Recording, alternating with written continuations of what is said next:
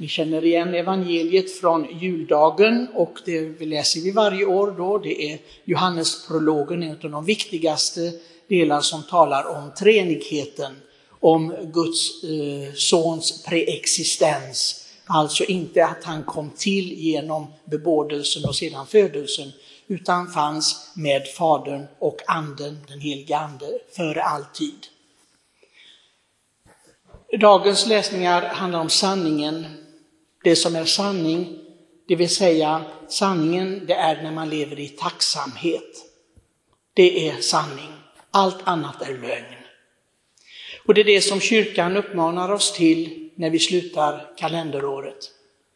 Tacksamhet, det skulle vara en väldigt naturlig sak för oss alla att vara tacksamma. Men så är det inte. Ibland blir man väldigt, väldigt förvånad över hur otacksamma människor är. Och inte har förstånd att vara tacksamma, utan tar saker och ting för givet. De får saker och ting, får tjänster, allt möjligt i alla olika sammanhang, även i kyrkan, men är fullständigt otacksamma. Kan inte ens säga, uttrycka ordet tack. Och då förstår man att då har de också problem med Gud. Därför att Gud vill se tacksamma hjärtan, som det står. Utan tacksamhet är man inte välbehaglig inför Gud. Man får visserligen, för Gud ger även både goda och onda, står det. Gud ger till alla medan det finns tid här på jorden, medan man lever här, men sen är det stopp.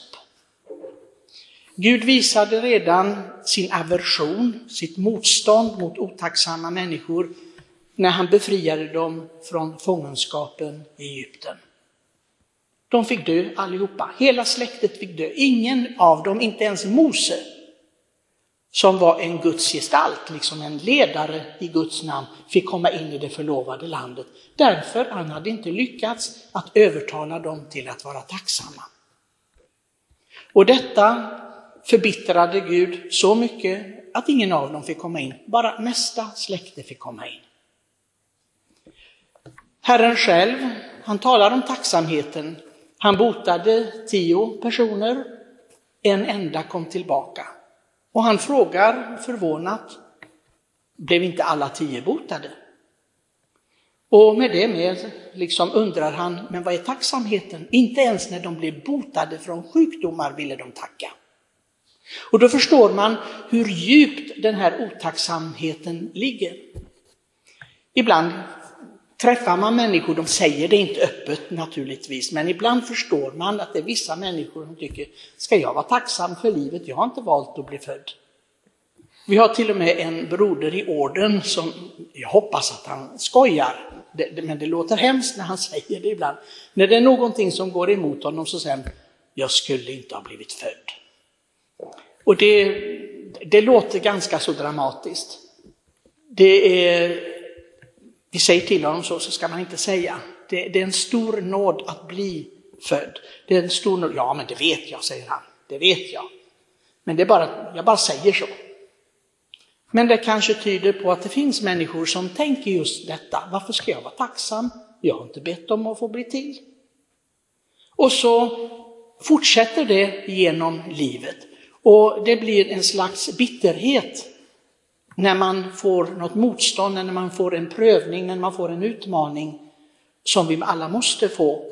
Och man tycker att det är bara elände på elände. Det var intressant att läsa i tidningen idag om hur folk tyckte att det gångna året har varit. Och naturligtvis, det var bara pandemi överallt och covid och, och så. Det, och man hoppas att, att ja, allt har blivit förstört genom detta.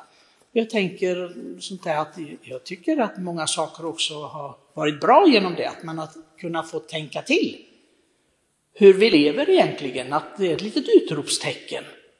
Det är inte bara negativt med, med, med, det som är svårigheter, absolut inte. För det får oss att växa, får oss att bli starkare.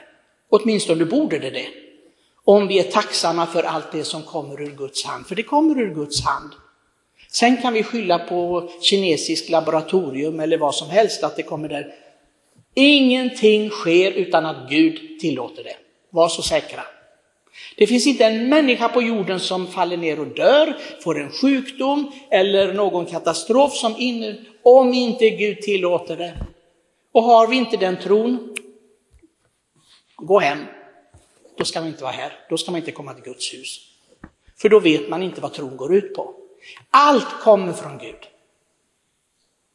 Och då kan vi säga även det onda, nej men Gud tillåter det för att rena oss och rensa oss. Även förföljelser, det visste kyrkan från första början, att man anklagade inte Gud för varför tillåter du förföljelser av kyrkan? De visste att det var för de kristnas bästa, att de skulle växa i sin tro.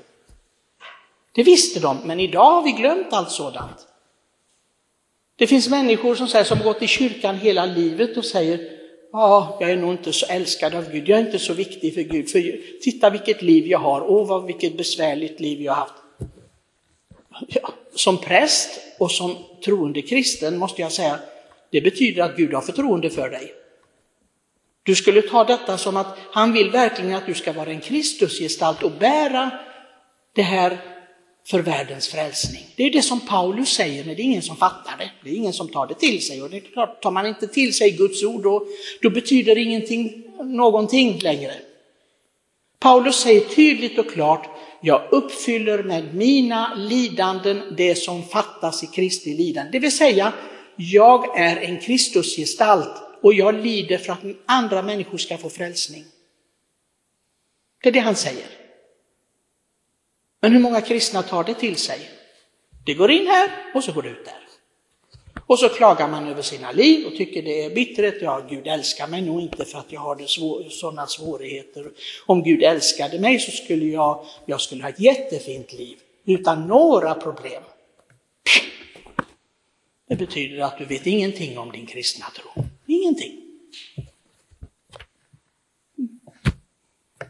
Idag har vi samlats vid Herrens altare för att tacka för det han ger. Det är precis som heliga Teresa av Avila säger på 1500-talet, ibland är det underligt vad han ger. Hon, hon, hon, liksom, hon kämpar och kämpar och ska fått uppdraget av Gud att grunda kloster. Och så bryter hon armen, hon trillar i trappor, hon har människor som motarbetar henne och till och med kyrkan ställer henne inför för, eh, liksom anklagar henne för att hon är villolärare. Hon blev ställd inför inkvisitionen, något av det hemskaste man kunde tänka sig, och sa att hon, att hon inte var renlärig. Hon som idag anses vara en av de största mystiker vi har i katolska kyrkan. Och en dag så, ni vet, jag har berättat det många gånger för jag tycker det är en väldigt bra historia som hon skriver i sin självbiografi. Att ibland så sätter hon sig ner och säger, men herre, är det så här du behandlar dina vänner? Och Jesus svarar henne, det är precis så jag behandlar mina vänner. Och Teresa av Avila svarar Herren, inte undra på att du har så få vänner. Herren, de han älskar verkligen, de, de får gå igenom korsets dynamik. De, de måste bära korset, det, det, finns inga. De som inte har sitt lidande på något sätt utan tycker livet är lätt, då ska man undra.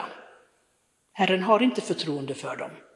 För de, han vet att de kan inte bära någonting. Skulle de få något på sina axlar så faller de ihop och tron försvinner. Men om du har en tung börda i ditt liv, något du måste kämpa med, då kan du vara säker på att Herren älskar dig.